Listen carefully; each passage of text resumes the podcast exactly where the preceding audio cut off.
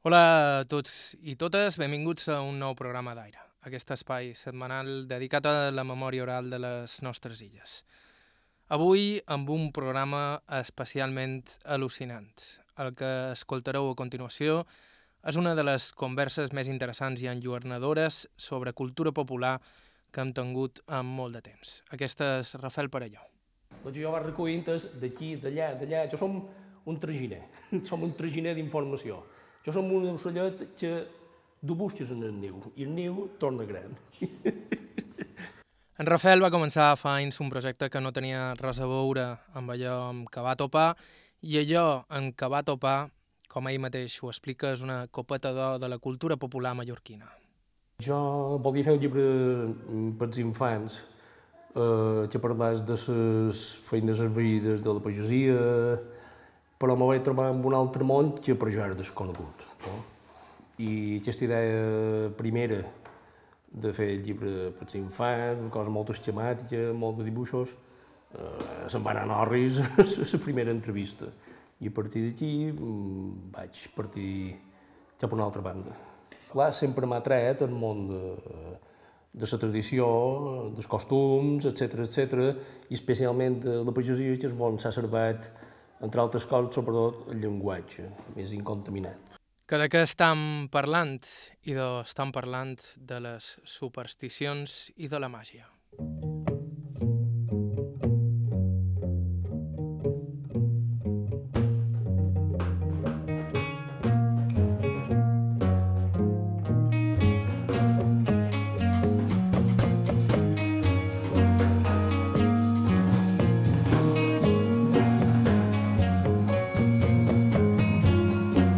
Avui a Aire, una conversa d'aquelles que te posen els pèls de punta, sobretot si t'interessa tot allò que té a veure amb el món preturístic i pagès i les costums, en aquest cas, les més sorprenents que tenia aquella gent. Parlam de màgia, bruixots, bruixes i d'un grapat de creences molt més esteses del que es pugui pensar i que porten llum sobre alguns dels aspectes menys coneguts de la nostra cultura. Avui a Aire, en pla Font de Misteris, vos parla Joan Cabot, començam.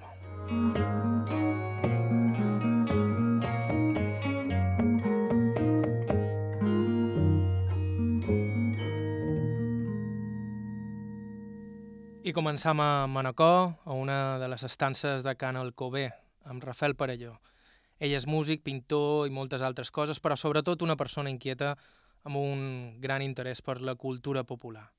I com han dit, ell cercava una altra cosa, però des del primer moment va descarrilar. Aquest primer moment va ser entrevistant una persona que mm, me xerrava de qüestions totalment desconegudes per jo. O sigui, dins aquestes converses, aquests testimonis orals, podem parlar de 10.000 coses diferents. Eh, feina de la pagesia, costums socials, costums esveïts de la religió, qualsevol tema pot ser interessant, però aquest, com tu bé has dit, està tan poc conrat, és un dels que més mm, me piquen, per dir-ho qualsevol manera, perquè eh, crec que d'aquí 9 a 10 o 15 anys serà absolutament impossible sentir-lo de viva veu. Pràctiques, o sigui, són testimonis eh, de coses que varen viure, o sigui, que no estan llegit, ho feien, era una cosa socialitzada. O sigui, però no tothom sap el mateix. Hi ha gent que li contes una cosa, per exemple, te'n vas a Buja, ho feu així. No, però l'altre te diu que sí, i, i clar, i vas, vas eh, aportant les bústies en aquest, en aquest niu, que és, eh, aquest aspecte tan poc conrat, conrat de la de la cultura nostrada. Aquí que tenim certa experiència fent entrevistes, sabem que hi ha qüestions que és difícil tractar amb els entrevistats, especialment si són gent major. Qüestions com el sexe, la guerra, la higiene personal i sobretot aquesta mena de tabús. Hi ha temes que eh, són tabú, de vegades, encara eh, el tema de la guerra civil, que també ho deman, gent que va viure el desembarc republicà de la Coma, que ho va veure, que va xerrar amb soldats, etc etc. I un altre tema també és aquest de la part màgica de la cultura popular. Perquè de vegades costa entrar-hi, perquè sincerament, de vegades inclús el testimoni se troba com ridícul, no? En aquest món d'avui en dia xerrar d'això, però quan aquella persona en vol xerrar eh, és, un, és un tresor formidable, és una copa de d'or que pots aportar a, sa, a, sa, a el coneixement més oblidat i, i esveït de la nostra cultura de Mallorca.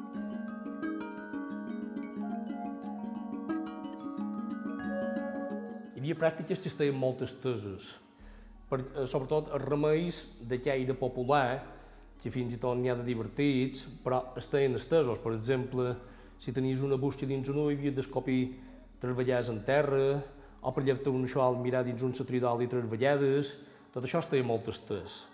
Eh, o sigui, un parell, si, si parlam, ara que hem encetat aquest tema dels remeis populars, eh, remeis que són que coneix tothom, que era popular, perquè o sigui, remei d'herbolari, etc m'interessen, però tenen un fundament científic i també els recull, però, clar, són molt més, t'aixoquen més, el remei de i de màgia, n'hi ha de populars, molt senzills, on intervenen la màgia número 7, la màgia número 3, la màgia número 40, o, per exemple, si un lot se compixava dins el llit i ja era grandol, feia menjar un ratolí torrats, eh, per exemple, sòlid de ratolí era una cosa molt estesa, per mal d'orella, Uh, això era el remei popular, oli de serp, conegudíssim, oli de crespinell, oli de pi, per llevar les cremades.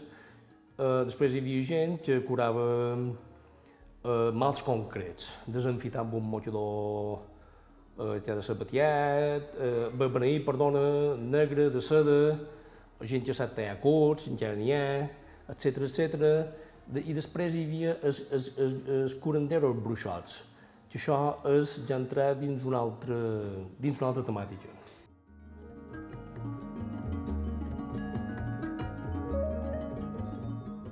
Sobre algunes d'aquestes pràctiques n'hem sentit a parlar, però sorprèn per una banda que fossin tan generalitzades i observades, que n'hi hagués tantes i tan xifrades, i que més tot això convisqués amb la religió oficial, la cristiana sempre eh, ha, ha, ha, ha conviscut a la vegada la religió oficial i altres eh, coses, procediment per embruixar, eh, formes de curar de caire màgic, eh, remeis populars, evidentment des d'un punt científic sense cap ni peus, però que s'estilaven aleshores.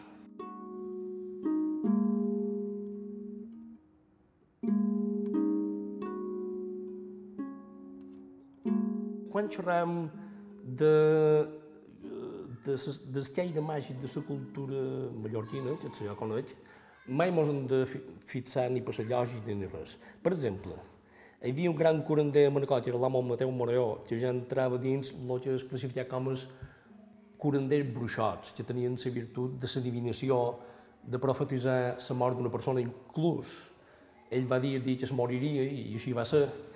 Uh, aquest home, que coneixia remeis antiquíssims, també era, era practicava la religió cristiana, passava el rosari cada dia, era un creent absolut. O sigui, una cosa no llevava l'altra. Per exemple, hi havia gent que era molt creent, molt creent, però el dissabte de Sant Joan practicava, sobretot les lotes, les adisses, les ordelies de Sant Joan.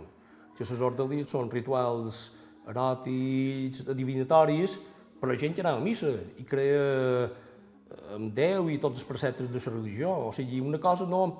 I de vegades inclús se mesclen aquests, aquests dos aspectes. Aquestes persones que un entén bruixots, encara en dia, quan me'n xerren, mm, eh, xerren amb una reverent, o sigui, d'una manera bé, reverencial. Pensa que aquí l'home Mateu Moreno, que vivia en el de Sant Juliana, eh, això he vist de gent, jo sempre xerro de testimonis que ho han vist. O sigui, de vegades hi havia 50 o 60 carros que esperaven per ser curats de tota Mallorca, inclús venien de Menorca. El dia que se va morir, aquest home, varen fer l'acompanyament, l'acompanyament era acompanyar-lo en el cementeri, això en termes, era l'acompanyament.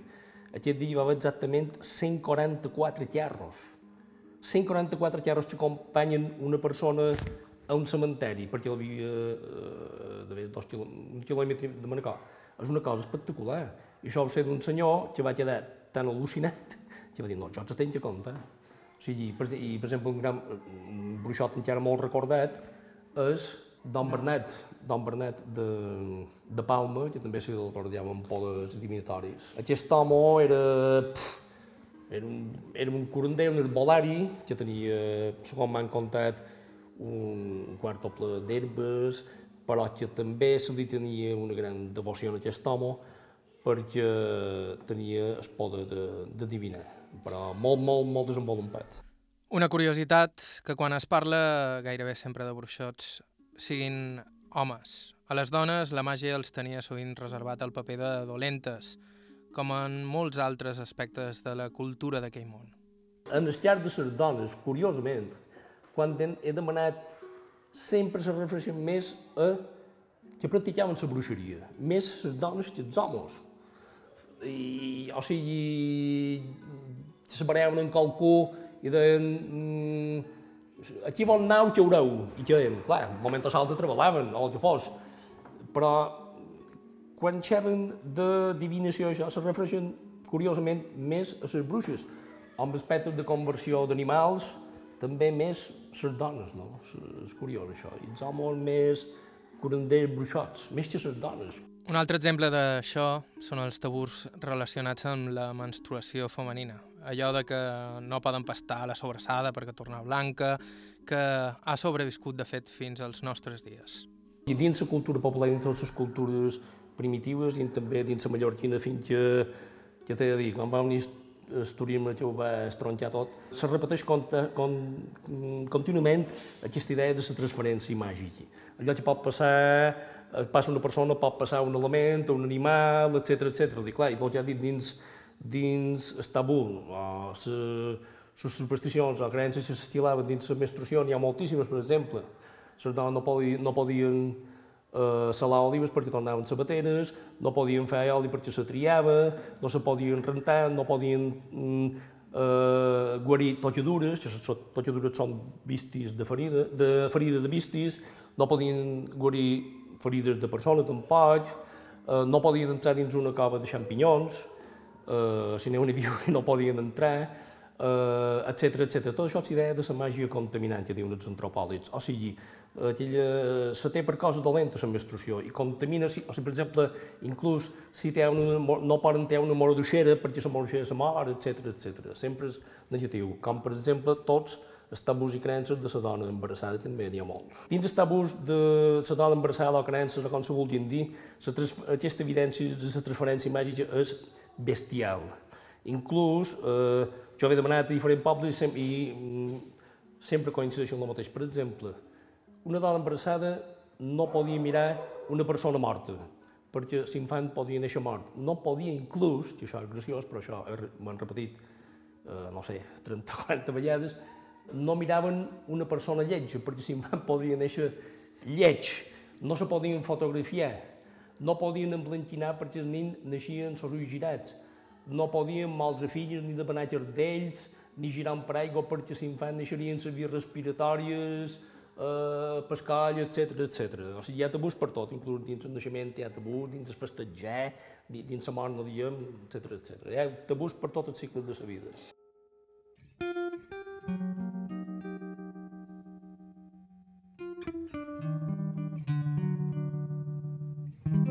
I parlam de bruixeria, també hem de parlar del malbocí, un altre tabú que és més o menys costès i que ha agafat un sentit molt més ampli del que tenia en el seu origen.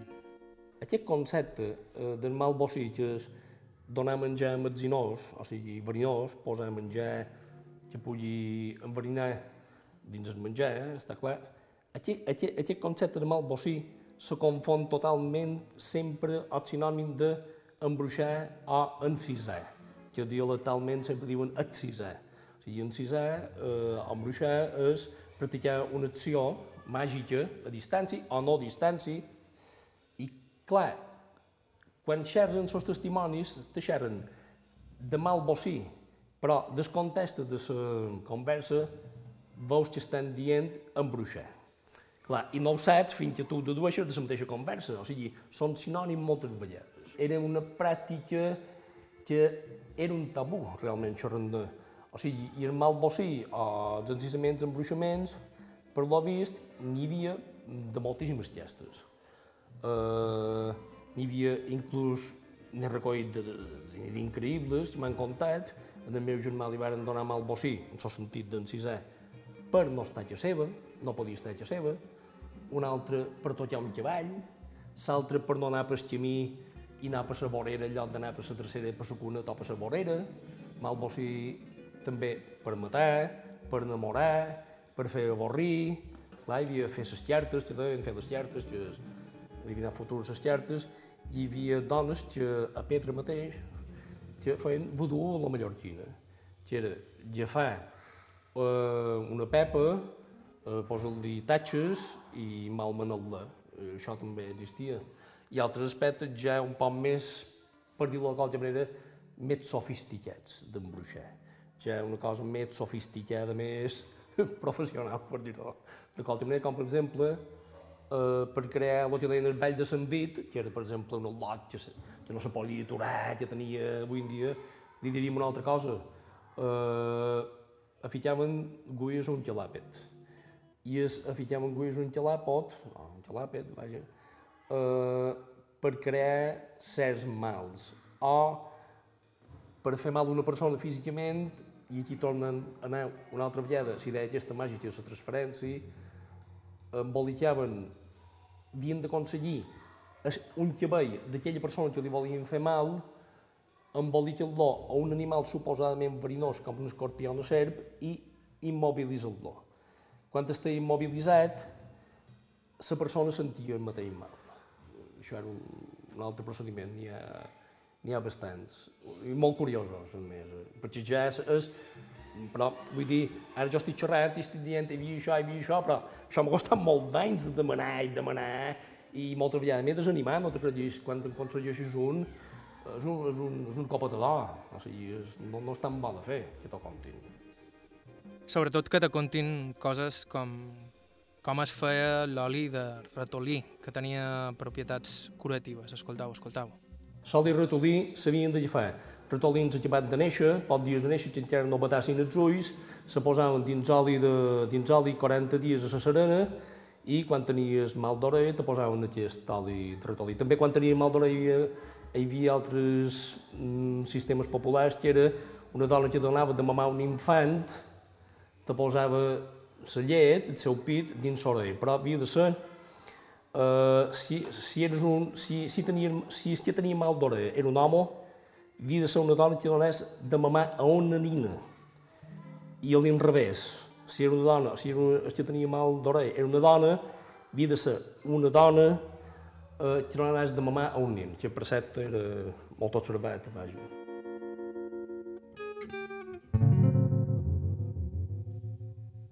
Si estàu al·lucinant tant com vàrem al·lucinar nosaltres, segur que voldreu continuar sentint Rafael per allò i tot allò que ha après sobre les supersticions dels nostres padrins.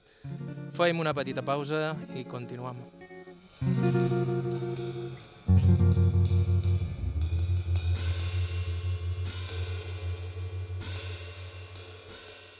A IB3 Ràdio, Aire, amb Joan Cabot. A IB3 Ràdio, Aire.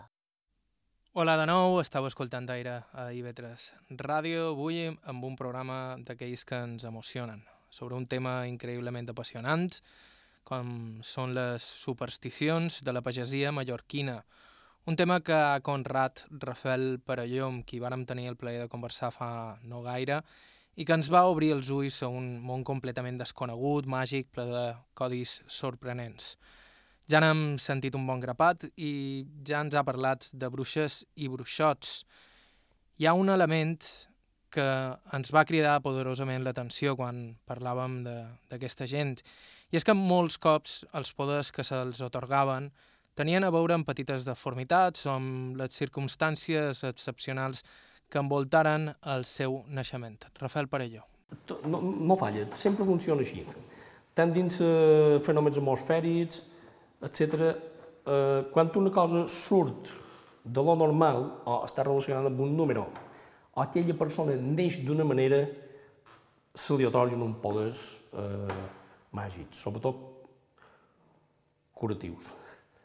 Els que neixen, com aquesta expressió, néixer vestit, néixer vestit, deien, aquesta lot ha nascut vestit, ha nascut vestit, i què vol dir, ha nascut vestit? Doncs vol dir que quan aquell infant i el nino geni naixia encara embolicat per saig amniòtic de la placenta, que n'hi ha un de cada 120.000 o no sé què, no sé quina estrícia, se li atorgaven en aquesta saig de la placenta se li atorgaven poders màgics, curtiu. De fet, hi havia homes que van anar al combat de la guerra civil que duien aquest tel aquesta placenta seca o aquest sac amniòtic concretament dins el vestit de soldat perquè que les bales no farien.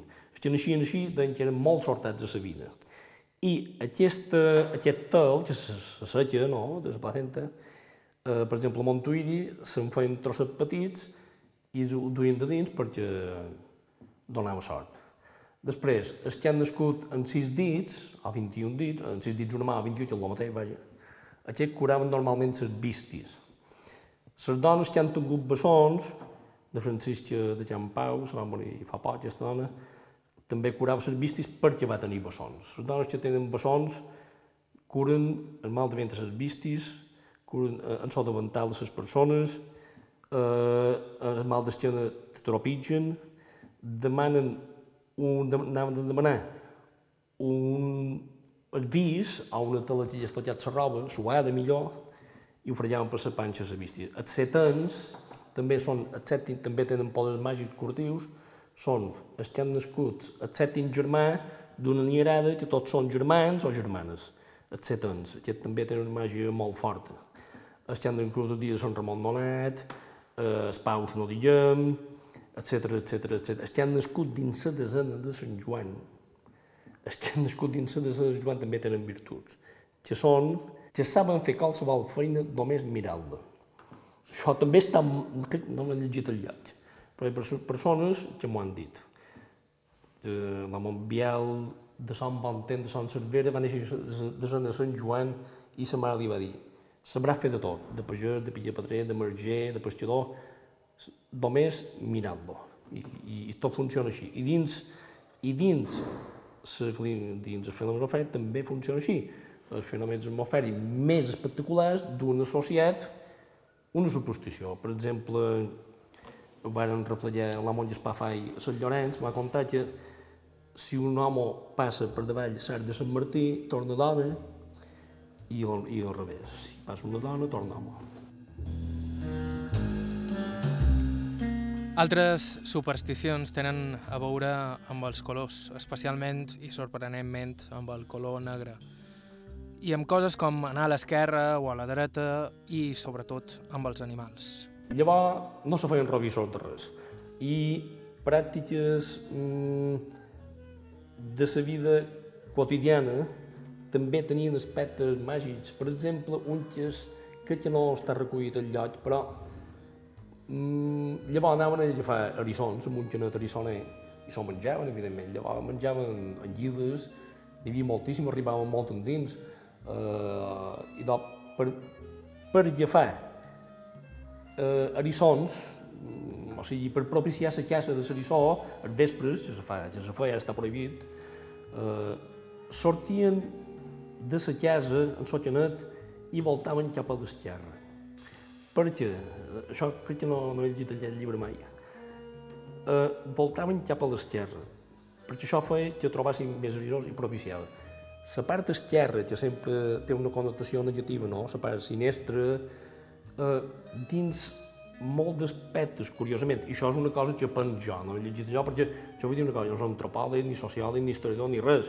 Jo som un simple visionet, eh, que té, té moltíssimes limitacions, i és perquè estic enamorat d'això, però vaja, i, i, puc dir molt de dois, però vaja, eh, ja, ja m'he curat en salut. Bé, sortien cap a l'esquerra, i clar, en tant d'anys de converses t'arribes a donar compte que la part esquerra és un, té un caire beneficiós dins la cultura popular al manco de Mallorca, segons he detectat. Per què?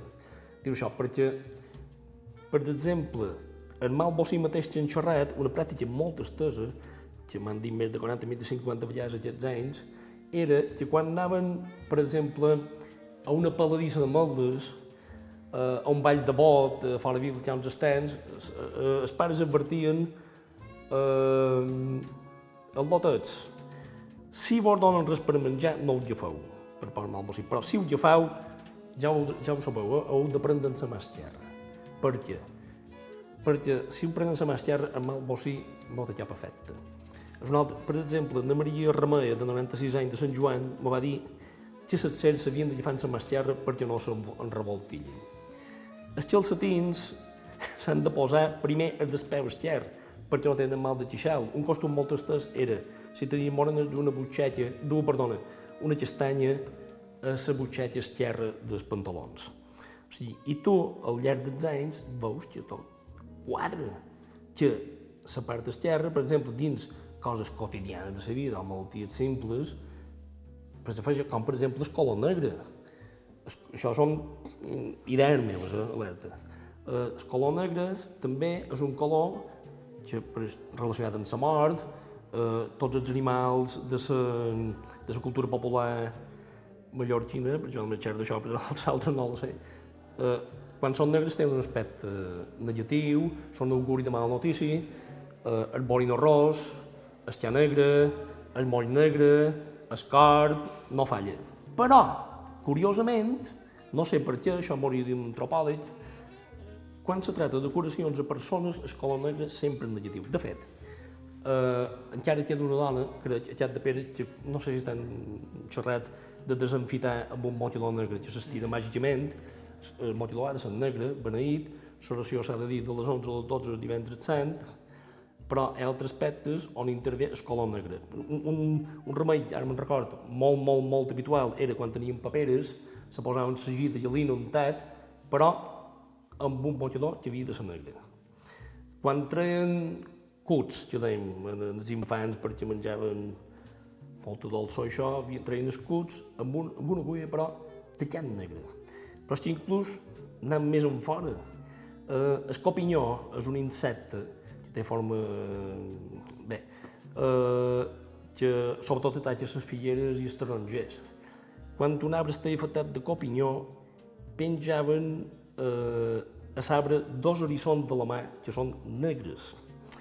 Després, per exemple, era molt habitual, no sé si t'han contat mai, menjar un col d'oronella, els infants, no sé si t'ho han dit mai, això en pràctica és bastant, bastant, bastant habitual, això pot demanar i tot diran, bueno, bastant dintre, gent, gent que ho va fer, o sigui, donaven perquè aquell infant, aquell fill, o aquella filla, fos més intel·ligent o més viu, més de xondit, fins als 3 anys donar eh, donar a menjar un co d'oronella. El co havia d'estar estret, de viu en viu, i que l'ot s'havia de menjar directament jo te puc anomenar gent que ho va fer, la Montori Barratges, etc etc. Clar, curiosament, l'oronella també era negra, no?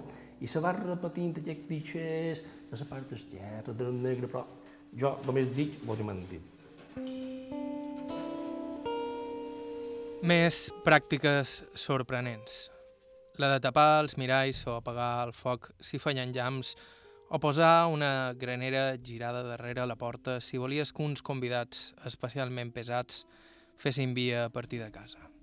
Tapar miralls, eh, se tapaven els miralls en dues ocasions.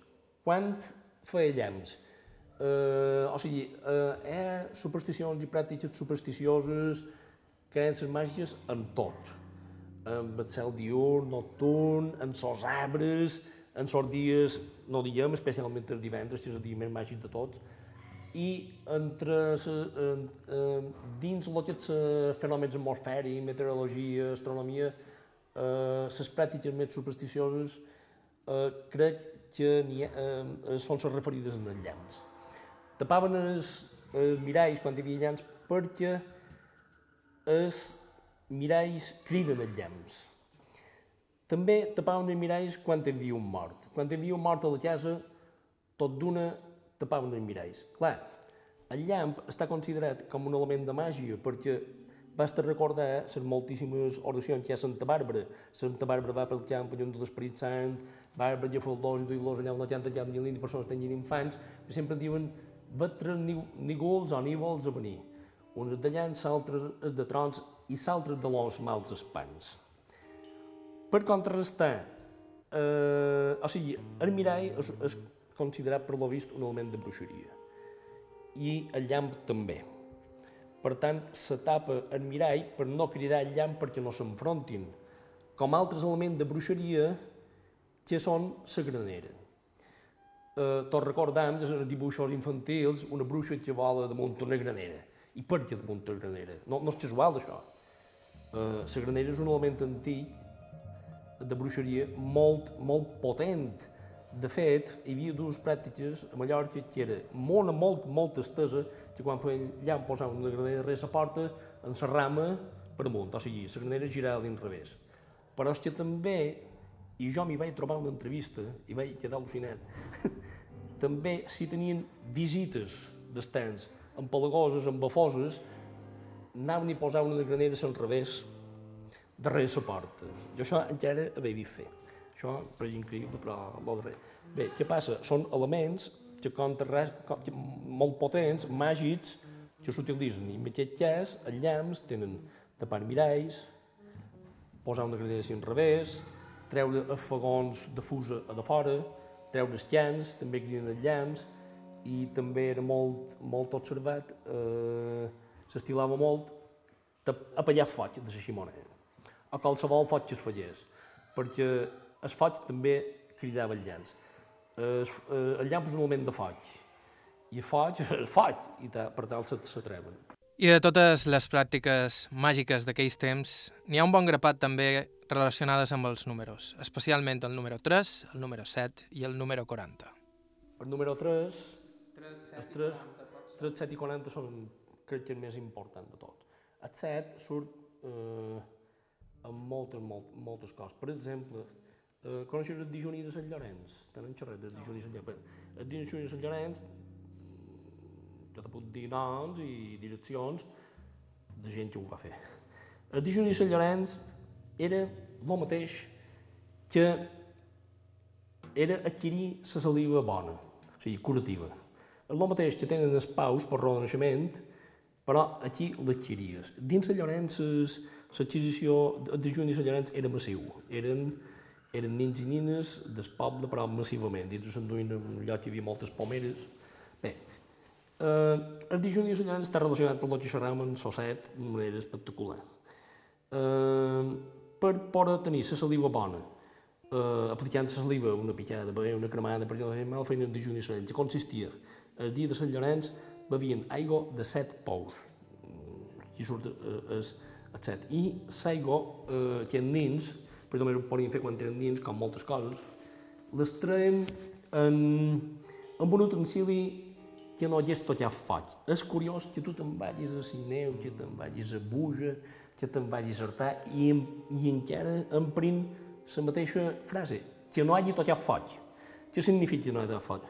Que no hagi intervengut el faig en la seva producció. Per exemple, no podien treure d'aquests pous d'aigua que bevien eh, en res de vidre, perquè per fer vidre intervé faig, no? bufes, faig tampoc en res de test, perquè també es fa de gerreria, no diguem de metall, per tant el treien normalment amb una fulla de mora copada, amb un vegetal i amb una corda, etc etc. Quan havies fet això, adquiries la saliva bona, curativa. I eh, eh, la característica comuna, molt curiosa, dels paus i dels que han fet els senyorets era que eh, tenien la qualitat màgica com això sí que m'han dit moltes vegades, d'immobilitzar les ceres. Feien un rollo amb la seva saliva i la seva quedava dins. Inclús moria. Si el no borrava el rollo amb la mà, era un, un exercici com no sigui. És un cas on intervé el set, després per llevar els fills, n'hi havia que voltaven eh, set vegades, feien set voltes un pou, etc etc.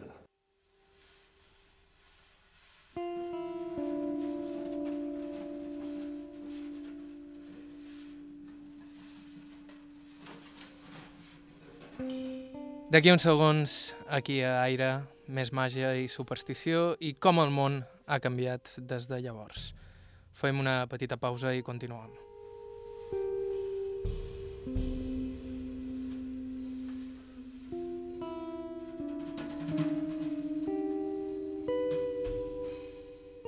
Aire, Joan Cabot.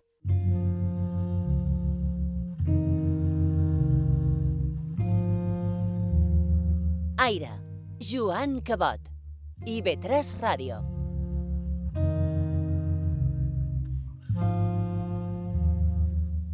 Hola de nou, això és Aire a IB3 Ràdio. Continuam amb el programa d'avui en què estem conversant amb Rafael Parelló, algú que ens ha descobert un món completament nou, desconegut per a nosaltres i per a la majoria, com és el de les supersticions de la Mallorca preturística. turística com sempre, vos recordam que podeu recuperar la conversa des del principi a ib3tv.com barra ràdio o bé escoltant el podcast del programa, els serveis habituals com Apple Podcast, etc etc. Conversant amb en Rafel i compartint també inquietuds, no em puc estar de demanar-li per com va ser el seu treball de camp, aquest treball de recerca que el va dur a descobrir una temàtica tan poc estudiada com fascinant. Primer vaig dir que faria el llibre de, dels al·lots, això vaig quedar descartat completament, i després vaig dir eh, faré Manacor.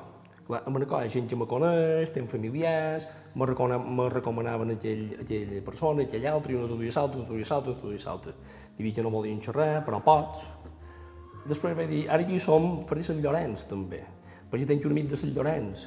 I me presentava gent i vaig dir, i ara aquí som perquè no faig tot el llevant. I vaig fer tot el llevant Vull dir, i ara aquí som perquè no faig els 14 o 15 municipis d'Esplà, i també ho faig, i ara perquè no faig un pot de Riller, i ara un pot de Mitjó. I, i, i així, i així, i així. I vaig demanar-te un amic, etc etc. L'objectiu final és claríssim. Tot que passa, que s'ha desmadrat la cosa d'una manera absoluta.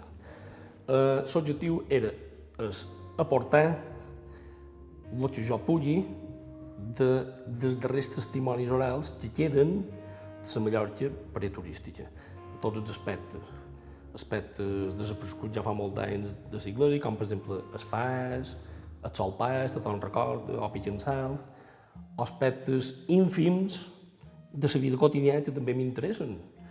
Eh, per exemple, te'n puc dir un que tu diràs, això, quina, quina, això no té cap importància, no té cap... però per jo també és atractiu, el més, el més més manco espectacular, per exemple, si un xarro eh, croixia, croixia, el xarro, eh, eh, quan guardaven ses, o sigui, de, de, desmargot, el xamayot, la cor, corna, la guardaven, guardaven un parell de trossos, i si el xarro croixia, pues, eh, entre ses, ses, el taulon del xarro i posaven aquella corna amb una tatxa i ja no creixia. Jo això m'interessa. Un altre dirà, tu estàs com una llebre, jo diré, pot ser. Però a mi m'interessa el més ínfim també de la, de la tradició, perquè sempre se va a l'espectacular. O sigui, jo no demano com se fan les matances, una tradició viva. Jo demano com se balla el ball de bot. Hi ha llibres fabulosos de gent que en sap molt i gent que en sap escrits. No demano dels paus, eh, des nascut dins la setmana de la conversió a Sant Pau que curen la saliva bona perquè això és una tradició viva, ni demanen ai paus, perquè, perquè que curen te fregues un ai pau, tal, però sí que demanen de les ovelles paves. Per exemple, som, no sé si n'has sentit xerrar, són menys conegudes. Bé, d'això, que és una cosa que era habitualíssima, pues, es trob que no està, no està, ho dic eh, tota modèstia, vull dir, no, no ho dic, trob que no està, no està gent contra. Les ovelles paves eren quan Diuen que les serps són molt afectades de, de mamar llet de les i això és cert, no, jo pensava que era un, un mite, però això és totalment cert.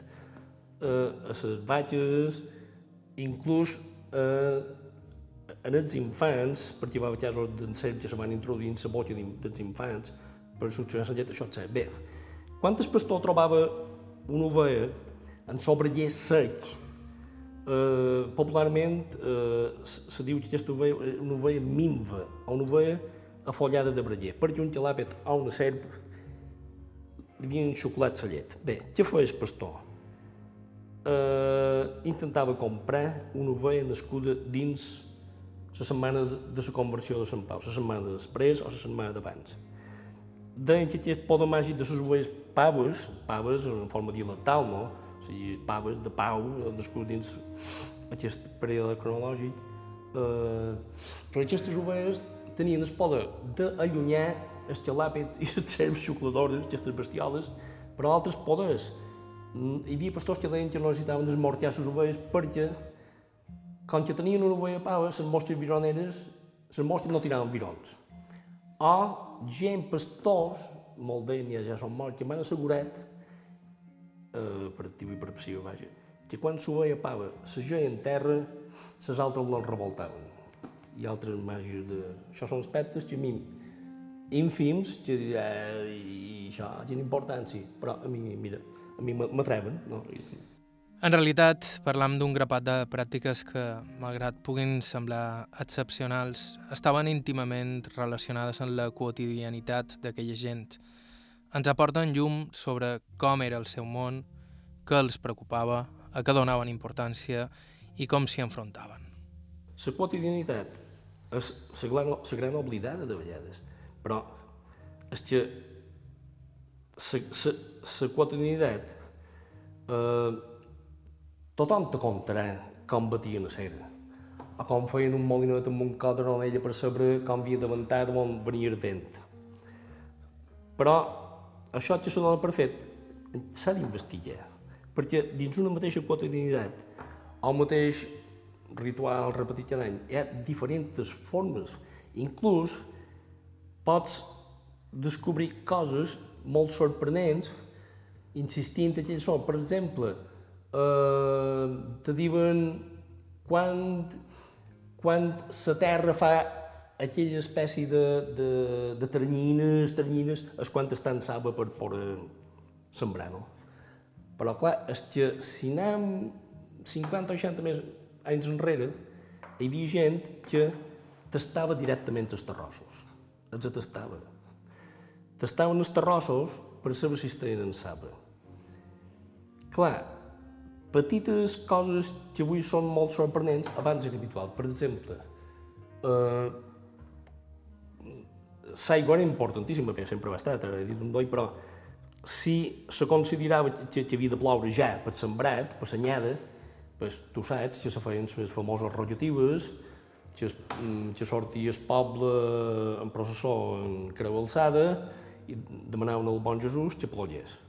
Però clar, paral·lelament a això també hi havia coses que era habitual i tots els pagesos sabien, però són oblidades. Per exemple, per fer ploure enterraven un llagost dins un cementer. Havien d'agafar un llagost viu i amb una bocinada de vi viu l'enterraven per fer ploure, m'entens? O sigui, és aquesta cosa paral·lela, quotidiana, que jo també m'interessa. I coses que dius, i, i què que diu ara? Però, per exemple, de Bé, és una dona que ara farà 104 anys, eh, aquesta dona recorda quan era nina, quan s'allaven en sa faus, que era una de les feines més potents de la pagesia, per la calor i tal. Eh, el xabasser, o sigui, el xabasser és, és si qual joven no ho sap, pues, és que comanda el tall de selladors, o sigui, que comanda és el xabasser, el xabasser d'aquí, tal. Eh, apatrellaven el sol, perquè se reconeix antes. Tiraven pedres en el sol perquè compreguessin nígols o perquè se reconeix antes. I jo això ho trob eh, eh, al·lucinant. Totalment, t'ho està dient una persona de viva veu que ho, fa, que ho va fer. No que jo digui, no, que jo m'apareix que vaig dir, no, no, no, clar.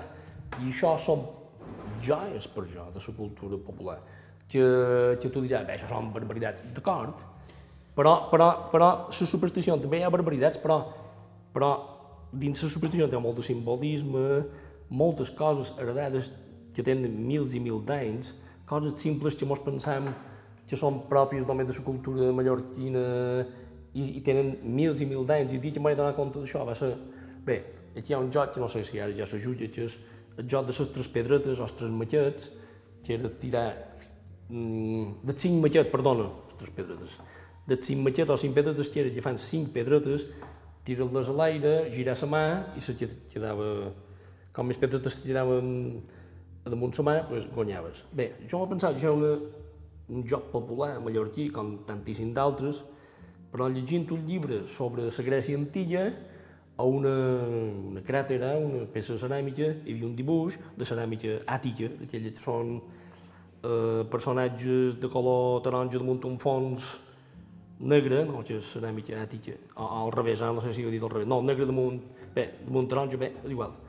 I pues, surten unes dones de l'antiga Grècia que juguen en els pentalitos, cinc pedres. I el dibuix veus que es juguen exactament com jugaven aquí a Manacor, a o allà on fos. I tu dius, com pot ser? Això ha superat segles, civilitzacions, religions, m'entens? És curiós això.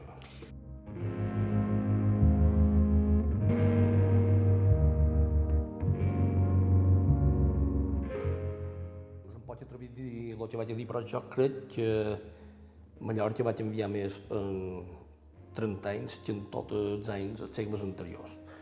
Perquè aquí se llaurava amb, amb varada d'orelles, en res, no? que era la mateixa tècnica pràcticament que veus eh, a l'antic Egipte.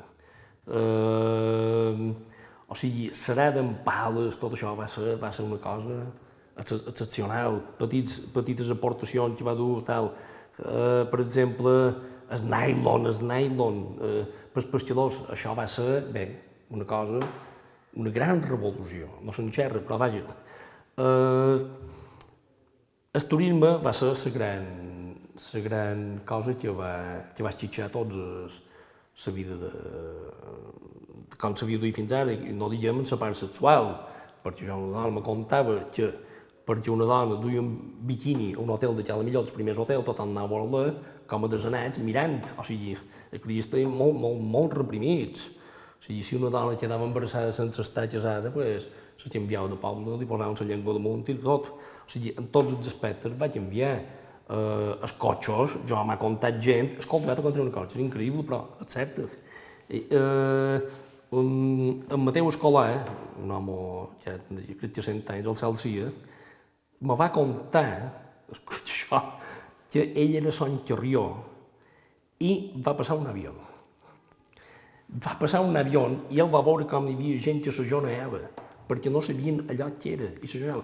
Quan passava un cotxe, que anava de Sant Llorenç d'Artà o això, molt de parelles o gent que tomava, s'aturaven i corrien per veure passar el cotxe, i no estem xerrant de fa 200 anys, estem xerrant de, de, de, de, de, de fa relativament molt poc, una generació o dues, m'entens?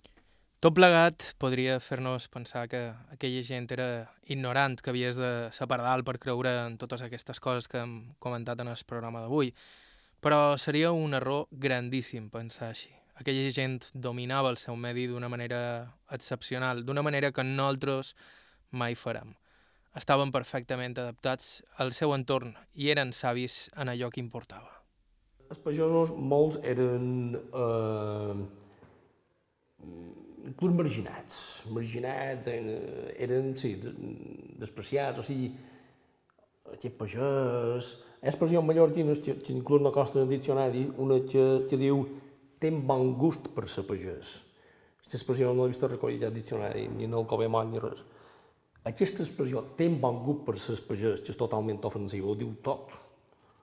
O sigui, els que dominaven completament el medi, que coneixien els nígols, emparellar la mala dona amb filles seques, el lot de, de s'entanyir si plourà, si no plourà, que coneixien el comportament dels ocells, que coneixien tot, pues, aquests ara avui en dia sí que ho poden apreciar, però llavors no, no, no era així de, de, de, de, de, de, cap, de cap manera, i hem de, i hem de, hem de, hem de s'afalcar i hem de arreplegar tot el coneixement que podíem menjar d'aquesta gent major perquè ells eren els grans servidors de la coneixença del medi en tots els aspectes, els mariners, els pescadors, etc etc.